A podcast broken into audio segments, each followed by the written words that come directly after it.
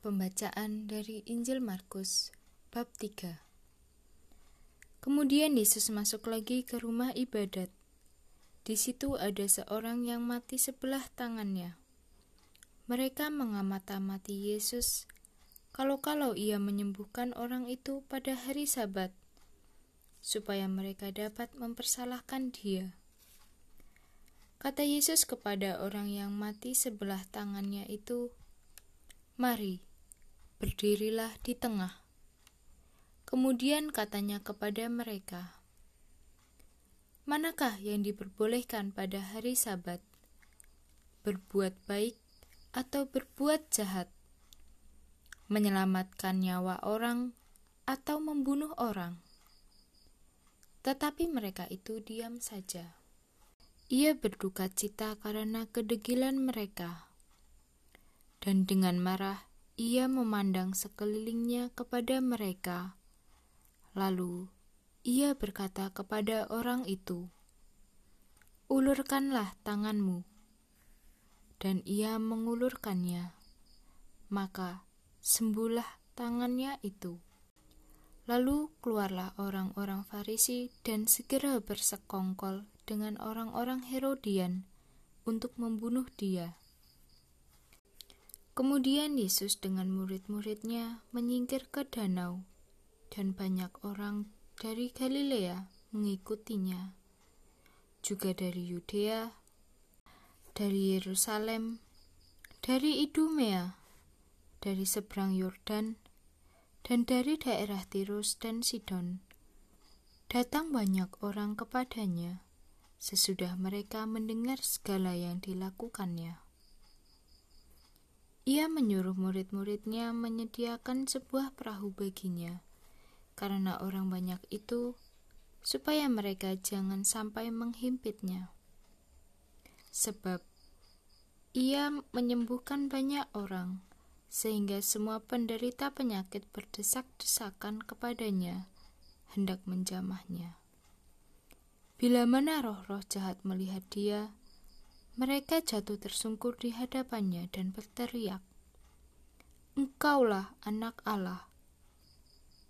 Tetapi ia dengan keras melarang mereka memberitahukan siapa dia. Kemudian naiklah Yesus ke atas bukit. Ia memanggil orang-orang yang dikehendakinya, dan mereka pun datang kepadanya.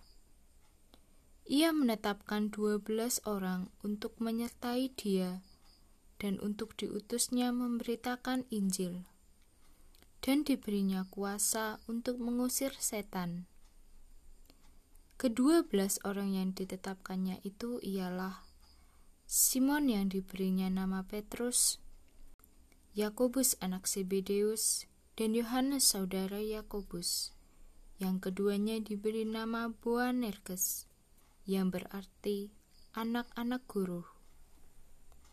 Selanjutnya Andreas, Filipus, Bartolomeus, Matius, Thomas, Yakobus anak Alfeus, Tadeus, Simon orang Zelot, dan Yudas Iskariot yang mengkhianati dia. Kemudian Yesus masuk ke sebuah rumah. Maka Datanglah orang banyak berkerumun pula, sehingga makan pun mereka tidak dapat. Waktu kaum keluarganya mendengar hal itu, mereka datang hendak mengambil dia, sebab kata mereka, ia tidak waras lagi. Dan ahli Taurat yang datang dari Yerusalem berkata, ia kerasukan Belzebul, dan dengan penghulu setan, ia mengusir setan. Yesus memanggil mereka, lalu berkata kepada mereka dalam perumpamaan, "Bagaimana iblis dapat mengusir iblis? Kalau suatu kerajaan terpecah-pecah, kerajaan itu tidak dapat bertahan. Dan jika suatu rumah tangga terpecah-pecah, rumah tangga itu tidak dapat bertahan."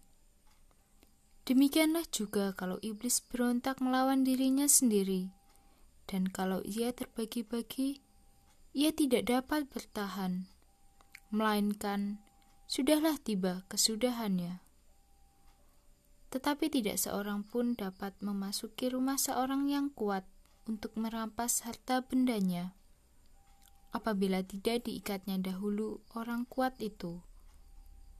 Sesudah itu barulah dapat ia merampok rumah itu.